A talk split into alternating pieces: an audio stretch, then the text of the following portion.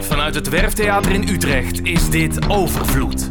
De podcast met oceanograaf Sjoerd Groeskamp en cabaretier Patrick Nederkoorn. Ja, leuk dat je luistert naar een nieuwe editie van de podcast van Overvloed. Dit keer met een andere gast, Loes Kremers. Jij bent gedragsonderzoeker aan de Hogeschool van Amsterdam. We gaan het met jou hebben over het onderzoek dat je doet en hoe we ons gedrag kunnen aanpassen. Ehm, maar eerst denk ik toch maar even de vraag: wanneer kwam het klimaat op je pad? Oh, ehm, nou dat was in 2015. Dat weet ik nog heel goed. Ehm, via mijn broer. Uh, die zei, uh, ja die is hier nu ook. die zei, uh, ja dat, dat Parijsakkoord, dat was best wel een big deal hoor. Er waren allemaal wetenschappers, die waren aan het huilen. En ja, er is wel iets aan de hand daar. En ik dacht, nou, ik ben zelf ook wetenschapper. Huilen, wat, wat is aan de hand dan? wat had je gedaan voor? Ja, ik, heb, ik was toen op dat moment aan het promoveren um, bij arbeids- en organisatiepsychologie bij de Universiteit van Amsterdam. Uh, en uh, op dat moment, ja, wat deed ik toen? Um, dat, het stond heel goed op je cv als je je onderzoek presenteerde aan de andere kant van de Atlantische Oceaan. Dus uh, nou, als, dat, als ik de gelegenheid kreeg, dan nam ik die. En dan uh, dacht ik, als ik dan toch in Amerika ben of in Canada, dan maak ik daar meteen een, een roadtrip van. Een dikke bak. En uh, ja, af en toe, af en toe uh, ja, lekker een stukje vlees, lekker steak langs de kust van de, van um, nou, westkust, oost, eastkust, oostcoast.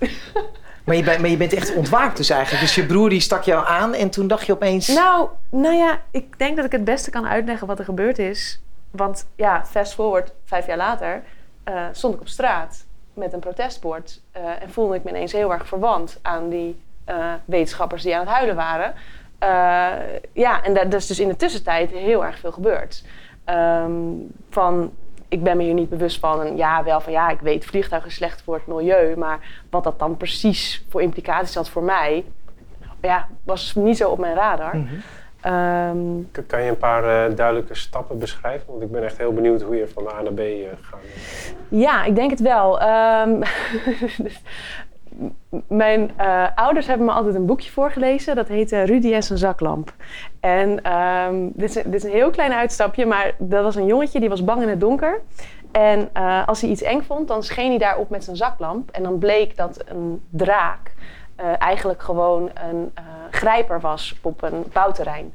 En dat jongetje dat leerde dus, oké, als ik mijn zaklamp mee heb en ik verhelder wat er aan de hand is, dan word ik gerustgesteld. En dat heb ik geïnternaliseerd. Dus altijd als ik iets eng vind, dan ga ik dat onderzoeken. Als ik iets spannend vind, dan ga ik daarover lezen. Dan ga ik dat, dat, is waarom ik wetenschapper ben geworden, denk ik. Uh, omdat ik dacht, hoe meer ik erover weet, hoe meer mij dat geruststelt. En ja, met klimaat gebeurt exact het tegenovergestelde. Dus je gaat erover lezen en je leest er meer over en je zoekt ergens naar geruststelling mm -hmm. en die vind je niet. Uh, ja, en, en wat ga je dan doen? Uh, dat, is, dat is voor mij denk ik uh, ja, hoe ik toch nu uiteindelijk een enorm grote stap heb gemaakt. Ik, ik vlieg niet meer, um, ik, ja, ik ga de straat op om te protesteren. ik ben veganist. Uh, ja, en ik schrijf in het uh, buurtkrantje over. Uh, ik roep mensen op tot mee te gaan de straat op. En ja, ik, ik ben wel activist. En, en professioneel ben je ook je helemaal op dit onderwerp Zeker. gaan toeleggen? Ik heb een carrière switch gemaakt. Ik ben gestopt bij de Universiteit van Amsterdam. ik ben gaan werken bij de hogeschool. daar doen ze namelijk praktijkgericht onderzoek.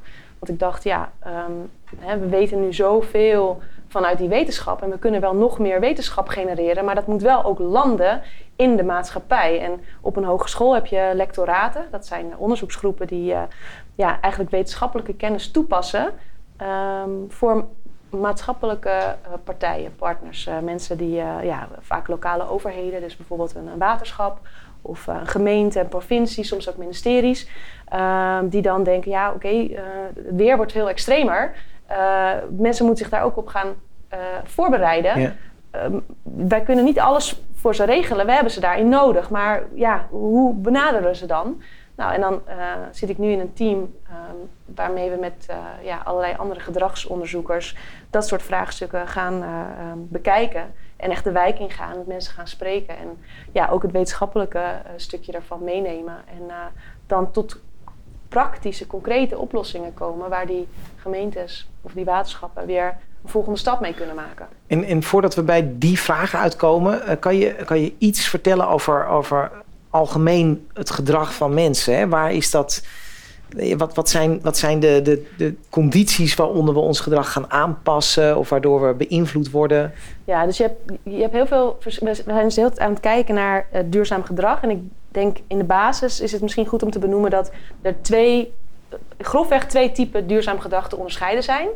Ehm, aan de ene kant heb je dus je voetafdruk, je ecologisch voetafdruk. Dus wat is het wat ik zelf bijdraag in mijn gedrag, wat mogelijk vervuilend is, wat, eh, eh, eh, wat ik zou kunnen verkleinen. Dus bijvoorbeeld stoppen met vlees en zuivel. Nou, dan, dan is mijn consumentengedrag zeg maar minder, minder uitstotend.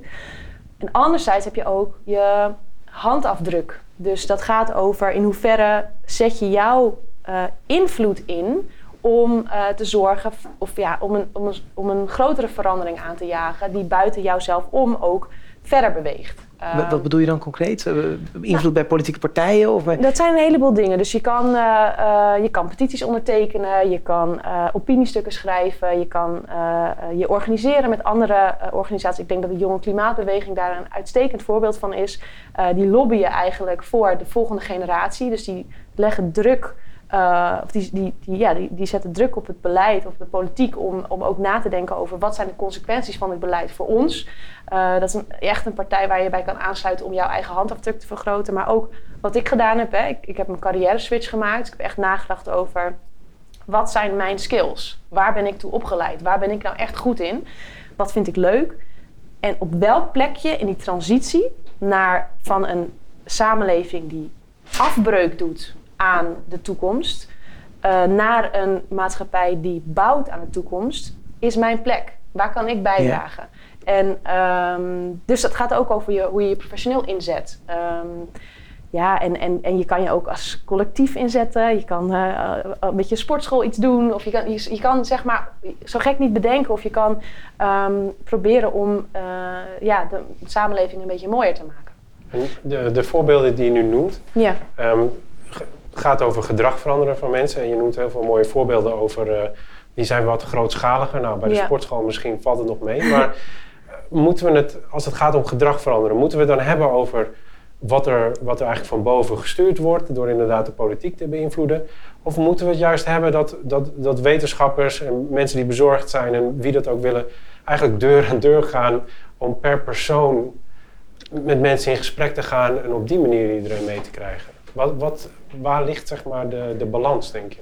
Ehm, nou, dat vind ik een hele goede vraag. En ik weet dat Jaap Tielbecker zegt... een beter milieu begint niet bij jezelf. Dus die zet zich een beetje af tegen de gedachte... Hè, die oude, eh, oude ehm, eh, reclame van... eh, we, moeten allemaal recyclen en we moeten onze voetafdruk verkleinen. En dat is jouw eigen verantwoordelijkheid. En dat is ook wat fossiele bedrijven natuurlijk zeggen. Wij, wij draaien alleen maar omdat er vraag is. Ehm, en die zegt juist nee omdat je dat verhaal de hele tijd vertelt, ehm, durven mensen eigenlijk hun stem niet te, te ehm, eh, laten horen, omdat ze denken dat ze eerst zelf helemaal heilig moeten zijn. Dus dat, werpt een behoorlijke barrière op. En nou, ik- wij spraken laatst samen bij een, eh, een eh, event voor trainees die bezig waren voor de Sustainability Development Goals. En ja, onze boodschap daar eigenlijk was: doe, doe het vooral. Als je, je je ecologische voetafdruk beter verkleinen, dan gaat dat op dagelijkse basis. Ga je daarmee bezig zijn en doet dat ook iets met jou psychologisch? Gaat het meer leven? Is het een soort reminder? En het heeft ook zin, want alles staat met elkaar in verbinding. Op het moment dat er meer vraag is voor vleesvervangers, is er ook meer markt voor. Wordt het ook goedkoper, kunnen weer meer mensen het doen. Maar hou daar niet bij, bij op. Het moet echt, er moet echt, nou ja, eh, in hele korte tijd heel erg veel veranderen. En eh, deur aan deur bij mensen langs gaat niet die verandering teweeg brengen. Eh, daar hebben we echt de overheid voor nodig, die ook een verantwoordelijkheid heeft om ja, voor het collectief, voor de toekomst te zorgen. Dat is eigenlijk waar we een overheid voor hebben. Maar, maar dan, dan ga ik het toch even relateren aan bijvoorbeeld wat wij aan het doen zijn. Ja, eh, we spelen een voorstelling. Ja, Ehm, dat is bijna deur aan deur. Want voor hoeveel mensen sta je Omdat nou uiteindelijk? Omdat er maar één iemand in het publiek zit. ja, ja, ja, ja. ja, ja. Dus moeten wij dan eh, iets anders gaan doen? Of, want ik geloof er toch wel in dat je, dat je ook van, onder, eh, van onderuit die druk op de overheid, druk op, op ehm, eh, bedrijven en, en in je eigen gedrag, dat je alles tegelijk moet aanpakken, omdat je er anders niet komt. ja in- maar eh, ik ben daarmee eens wat jij zegt. Ik denk dat het allemaal moet, allebei. Eh, en ja, waar die balans ligt, dat vind ik heel lastig om te beoordelen. Eh, maar wat, wat in ieder geval niet zou moeten gebeuren, is dat het een een excuus wordt voor het, of het- dat, je, dat het een je weerhoudt van het ander. Mhm. Ehm, dat je denkt van, nou ja, ik laat mijn politiek al horen, dus dan kan ik wel gewoon alles maken. Dan ga ik gewoon overal naartoe vliegen. Of eh, ja, ik, eh, ik, hè, ik eet nog vlees of eh, ik, ik zit nog bij de ING. en dan nog niet bij ASN of het Triodos. Mag dit trouwens of is dit reclame? Nee, het is anti-reclame, dus het mag, waarschijnlijk mag het. Ja, nou ja. ja, ik, grap ook alternatieven. Maar, dus ik ga niet de straat op, want anders dan ben ik, en dat is een soort van, ja, waar natuurlijk, wat, wat boven ons hoofd hangt dan, hypocriet. En dat willen we allemaal niet zijn. Hey, en en Loes, als we teruggaan naar die gedragswetenschap, Ja. van in hoeverre kunnen we dit van, eh, jij hebt een heel duidelijk verhaal en, en eh, ik zie helemaal dat het je bezighoudt, maar in hoeverre kunnen we dit van een gewone sterveling verwachten? Dat je, op, dus dat je je eigen leven onder controle probeert te brengen, dat je dat probeert aan te passen, dat je probeert na te denken waar je ook nog eens een keer je handafdruk Ja. beter kan maken. Het is nogal een opgave. Ehm, ik denk zeker niet dat we dat van iedereen mogen verwachten. Eh, ik voel mezelf heel erg bevoorrecht dat ik deze plek mag innemen. En eh, nou ja, een opleiding heb mogen genieten die, die mij in staat stelt om dit soort onderzoek te doen. En eh, ja, dat ik ook in een land woon en in een gezin ben opgegroeid waarin ik werd aangemoedigd om, om eh, mijn stem te laten horen. En ook ja, gewoon de, de gelegenheid heb om dit te doen. Dus ja, als je kijkt naar wat er nodig is voor gedragsverandering, zijn dat eigenlijk drie dingen altijd. Ehm, dat gebruiken we in ons onderzoek heel veel. En hoewel alle verschillende eh, klimaatgedragingen heel erg uiteenlopen, zijn er drie dingen die altijd terugkomen. En je moet voor gedrag minimaal de capaciteit, de gelegenheid en de motivatie hebben. De capaciteit gaat over je ehm, mentale en fysieke vermogen om iets te doen. Dus eh, eh, begrijp ik wat er aan de hand is? Heb ik daar ook mentaal op dat moment ruimte voor om daarmee bezig te zijn? Ligt mijn aandacht daar? Weet ik dan wat ik moet doen? Ehm, kan ik dat ook fysiek? De gelegenheid, dat is de sociale en die fysieke gelegenheid, gaat heel erg over: heb ik überhaupt de bevoegdheid? Of zijn er misschien regels die in de weg zitten? Mhm.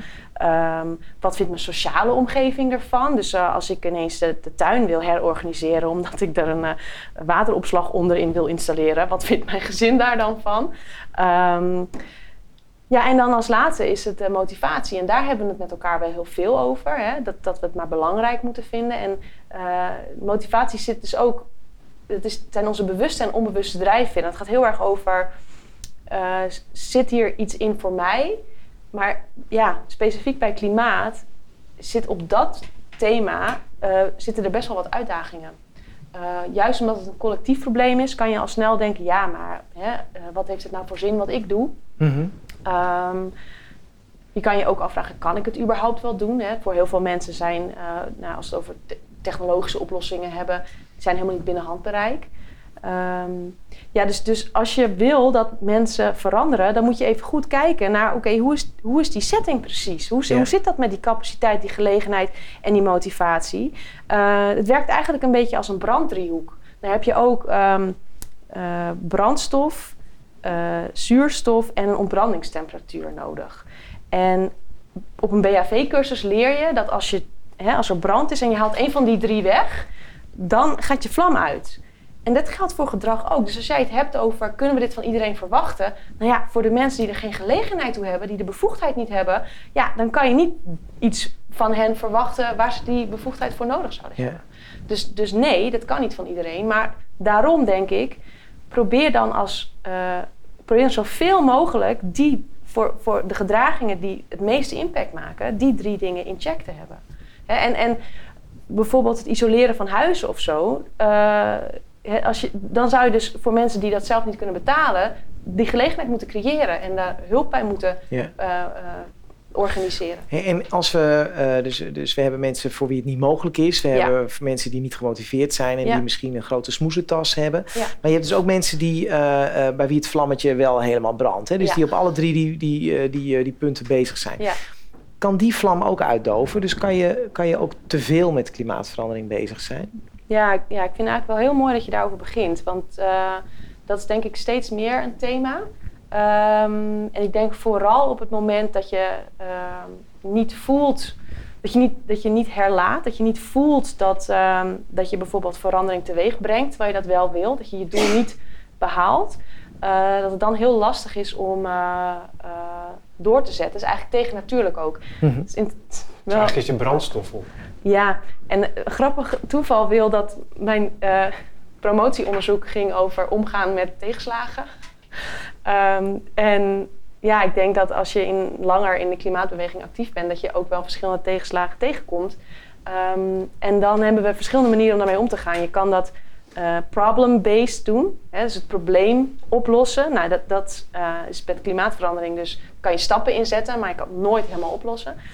En je hebt ook ehm, emotion-based. Dus hoe ga je het dan eh, emotioneel rondbreien voor jezelf? Mhm. En ik denk dat daar, en dat, dat, dat klinkt, nou ja, laat ik, ik wou meteen een disclaimer geven, maar ehm, wat uit onderzoek blijkt is dat het heel erg helpt om zelfcompassie te hebben. Ehm, en zelfcompassie, dat is eh, vriendelijk zijn voor jezelf, ehm, mindful zijn van je gevoelens, niet overdrijven, maar ze ook zeker niet wegdrukken. En je ook realiseren dat je mens bent en dat je in die teleurstellingen die je meemaakt eh, heel veel deelt met anderen.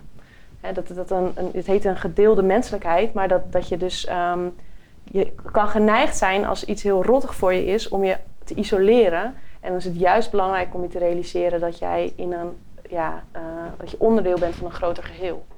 Dus, dus je zegt, eh, ik kan het, hè, als een individu zegt, ik denk ik kan het niet allemaal oplossen, dan Ja. moet dat geen reden zijn om niks te doen. Nee. Maar het moet ook, af en toe moet je, moet je dat ook realiseren om lief tegen jezelf te kunnen zijn. Want Oh, je kunt zeker. het niet. Ja. Ja, want ik denk dat al snel, eh, als het gaat over klimaat eh, en een ecologische voetafdruk, dat, dat je heel erg dat op ons vingers getikt worden en met het vingertje wijzen van dit mag niet, dat mag niet. En dat lukt lang niet altijd. En het gaat ook vaak over schuld en schaamte.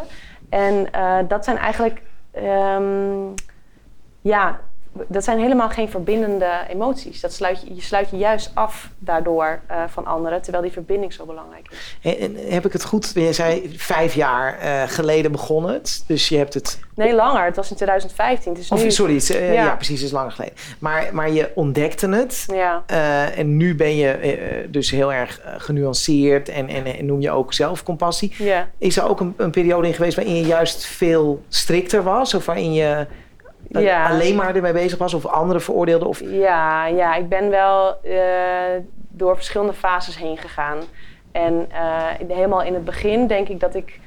ehm, ja, ik weet niet. Je moet een beetje denken aan de, de, Matrix. Dan heb je toch ook een verschillende... Dan kan je kiezen welke Ja, ja. pil je neemt. Of je wakker blijft of, eh, of wakker wordt. Of dat je in slaap blijft. En ik had het gevoel dat ik wakker was geworden en het ineens allemaal zag. En ik ook niet meer terug kon. Maar ik nog in een samenleving leefde met mensen die allemaal nog sliepen of zo. Ja, ik weet, ik weet niet of ik het nou mensen zo goed uitleg. ontvrienden de hele tijd op Nou. social media. Ja. Nee, maar zeg maar... ehm, ja, ik, ik kan... Misschien dat, dat Sjoerd het herkent. Maar als je zelf ehm, leeft met het besef van klimaatverandering... en de, de eh, intensiteit daarvan en de dreiging daarvan...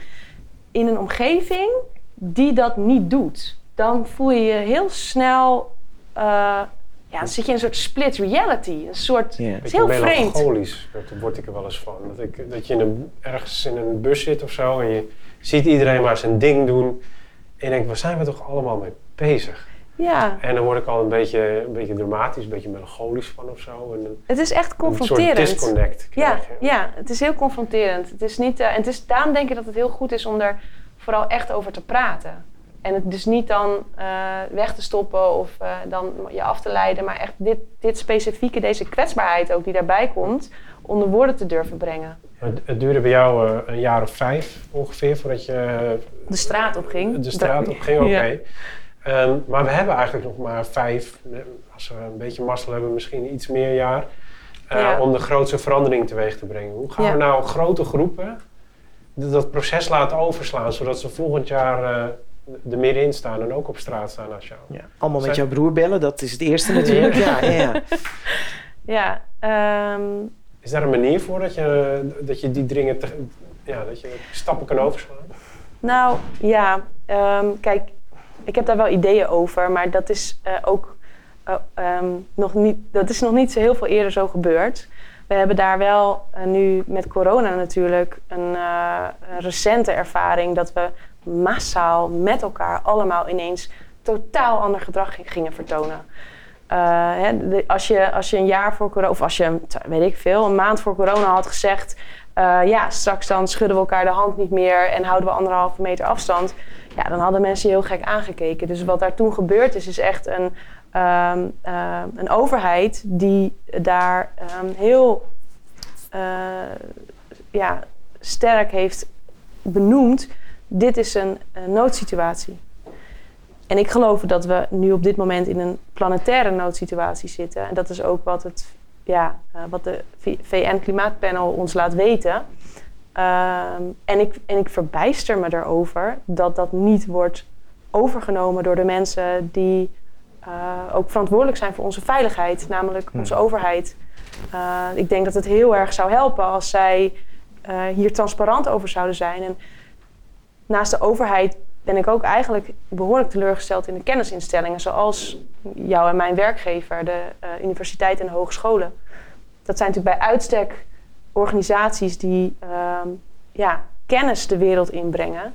En als ik dan kijk naar wat er vanuit deze instellingen aan duurzaamheid wordt gedaan, eh, dan is dat allemaal nog binnen, eh, eh, binnen het redelijke.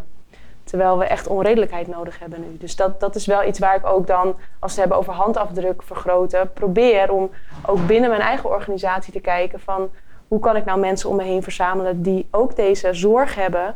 En ook op die manier, hè, we hebben bijvoorbeeld nu aan het CVB gevraagd van de hogeschool, kunnen jullie onze oproep om eh, mee te gaan met de klimaatmars ondersteunen? Dat is dus niet, dat, en toen was het ineens, oh, nou ja, dat is volgens mij wel in lijn met onze duurzaamheidsdoelstellingen. Laten we, laten we dat doen. Eh, en dan gaan we ook mee. Eh, en dus nu komt een van de leden van het CVB mee naar de klimaatmars. En nu staat het op, ehm, in de nieuwsbrief dat men mee kan naar de klimaatmars. Ja, en, en dat is eh, dus een kleine winst. Maar dat vind je too little too late. Ja, ja, dat vind ik eigenlijk eh, best wel dramatisch. Eh, dat er dus individuele activistische ehm, eh, werknemers zijn die daar dan een, een, initiator van zijn. Ja. Terwijl ik denk, de slogan is Creating Tomorrow. Denk ik, ja, bereiden we op dit moment studenten voor op de tomorrow eh, die volgens het IPCC, let wel, dus de kennis die er nu op dit moment is, eh, voor, ja, eh, beschikbaar is. En dan denk ik, nee. Nee, dan zijn het initiatieven hè, en hele goede bedoelingen. En het staat, weet je, er is een, een, een visie om duurzamer te zijn, of om zelfs de duurzaamste te zijn. En het is allemaal heel lastig, want je bent ook hè, afhankelijk van bepaalde regels die er zijn. Daar zit weer dat stukje gelegenheid. Dat geldt ook voor grote organisaties. Ehm, maar ik heb niet het gevoel dat daar de urgentie al is doorgedrongen. Misschien sommige faculteiten, inderdaad, of sommige keuzevakken, waar, dan, waar dan na dat mensen het keuzevak gedaan hebben, ineens iedereen vegan is. Weet je wel? Dan denk ik, ja, wat gebeurt daar dan? En kunnen we dat niet hè, op veel meer plekken dat vak gaan geven? Of, Ja. hè, eh, want het is nu nog een soort van facultatief. Je, het is optioneel. Het is ervoor erbij. Iedereen heeft een hele drukke baan en duurzaamheid is heel goed. Dan doe je dat erbij. Hè? En, en eh, duurzaamheid is niet meer iets voor erbij. Eh, duurzaamheid is echt iets, eh ehm, zoiets existentieels. Dus dan, ja, dat vind ik. Ja, wauw. Ja. Het is wel, je bent echt wel helemaal dat onderwerp geworden. Dat is heel mooi om te zien. Ik ben wel benieuwd. Ik zou het leuk vinden om ook stiekem even de loes van, van voor 2015... eh, eh, Ja. eh, ja, om die naast elkaar te, te leggen. Heb je dan nu Want je zei in het begin, hè, we hebben het daar nog niet echt over gehad, maar, maar dat, dat jullie dus, jullie, jullie zijn bezig met de duurzame stad. Hè? Dus Ja. hoe kan die, dat, dat onderzoek gaat over hoe kunnen mensen in die stad en organisaties in die stad Ja. verduurzamen. Ja. Eh, daar doen jullie onderzoek naar. Ik weet misschien kun je een, praktisch voorbeeld noemen, maar de vraag daarachter is natuurlijk, gaat dat dan snel genoeg? Eh, ja, er zijn allerlei voorbeelden te bedenken. Eh, we, we, we, kijken bijvoorbeeld naar mensen in energiearmoede, die op dit moment niet rond kunnen komen en hun energierekening niet kunnen betalen. Dat zijn er steeds meer. Ehm, dat, dat, is heel, dat is een heel lastig probleem. Die mensen zitten vaak gevangen, want die kunnen niet zelf hun huis opknappen. Eh, en die kunnen ook niet zomaar van het gas af, maar het gas wordt wel steeds duurder. Ja. Ehm, ja, hoe, wa- wat is er nou mogelijk om, om toch deze mensen te helpen? Ehm, en daarvoor gaan we met ze in gesprek en kijken wat er mogelijk is. En dan zie je dus inderdaad, hey, op die capaciteit, die motivatie en die gelegenheid liggen alle drie enorme uitdagingen. Ja. Dus verwacht niet dat deze mensen hun gedrag enorm gaan veranderen. Dat is niet realistisch. Ik denk dat wij heel vaak tegen onze opdrachtgever, of ja, opdrachtgevers zijn eigenlijk meer partners met wie we samenwerken, toch ehm, niet een, niet een eh, één oplossing hebben, maar ehm, het, het verder problematiseren. Dus niet een heel goed verkooppraatje voor onze onderzoeksgroep, maar ja. eh, we pluizen precies uit wat er aan de hand is en wat er dus ook nodig is. En dat is vaak meer dan dat er vooraf gedacht werd. Ik weet nog dat ehm, mijn eerste opdracht was bij het waterschap. Eh, die wilden dat mensen zich gingen voorbereiden op extremer weer. Die hadden eigenlijk van tevoren al bedacht dat er dan misschien een informatieportal kon komen op eh, internet. Waar mensen dan informatie konden vinden over hoe ze zich konden voorbereiden. En ja, toen wij dat hoorden, dachten we toch van oké, eh, waarom zouden ze daar naartoe gaan? Ja. Eh, wie, wie doen dat dan? En hoezo zouden ze hun gedrag dan veranderen? Dus daar is vaak meer voor nodig. Dus dat is denk ik vaak de boodschap die wij geven. Mensen veranderen niet zomaar en helemaal niet als je ze alleen maar ergens bewust van maakt. Kennis is echt onvoldoende. Ehm, en jouw tweede vraag, eh, gaat dat dan snel genoeg? Nee, dat gaat niet snel Ja. genoeg. Maar als jij dan... ehm, Ja, precies. Maar, maar heel even dan en dus. Want je bent dus aan de ene kant heel, heel concreet bezig om dat helemaal uit te pluizen. En aan de andere kant vertel je dat we hele grote sprongen moeten maken. Ja, ja nee, maar dat is persoonlijk ook een, wel een behoorlijk dilemma. Dat ik het gevoel heb dat ik soms twee petten op heb.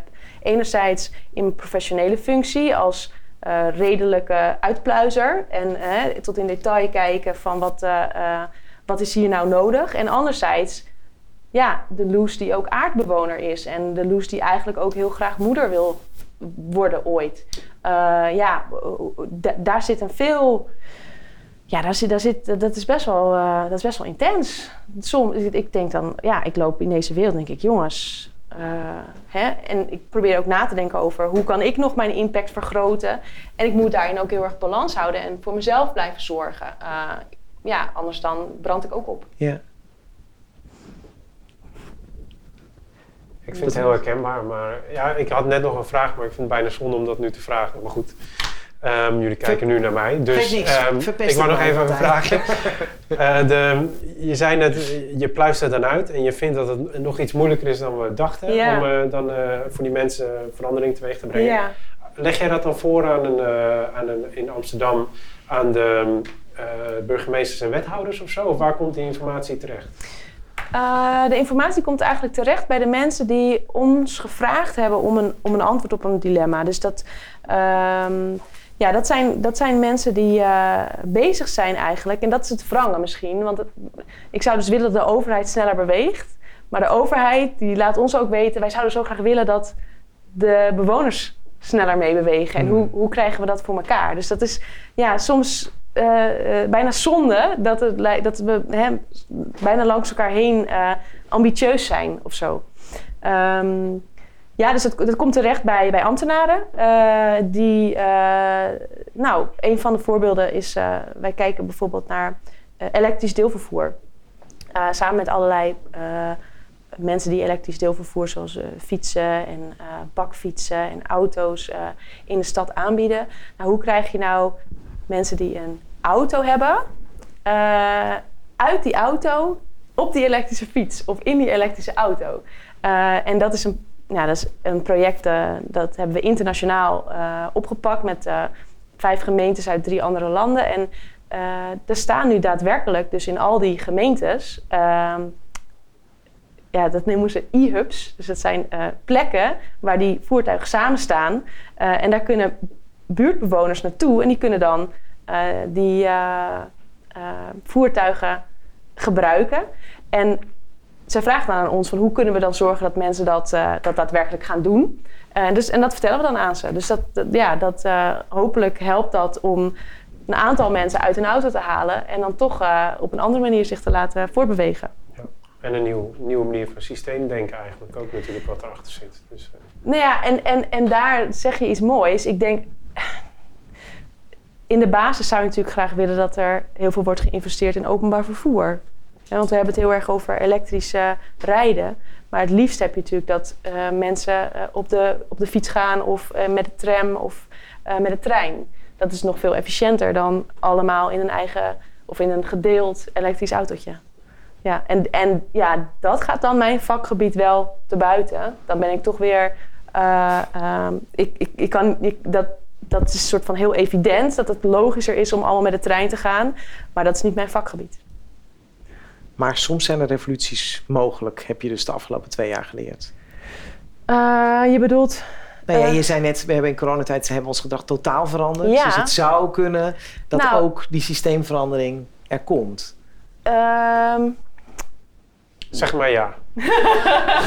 dat zou ik wel willen, ja. Dat zou ik wel willen, ja. Eh, Ja. Dat is een eerlijk antwoord. Dankjewel, eh Loes. Ik vind heel bijzonder hoe je ons hebt meegenomen in eh, je werkzaamheden, maar ook in die persoonlijke reis die je hebt doorgemaakt. En wat ik er zeker van meeneem, is dat we meer onredelijkheid nodig hebben. Mm, En op die weg ook veel zelfliefde. ja. Dankjewel en ik hoop dat je vlam lang blijft branden. Jij ook.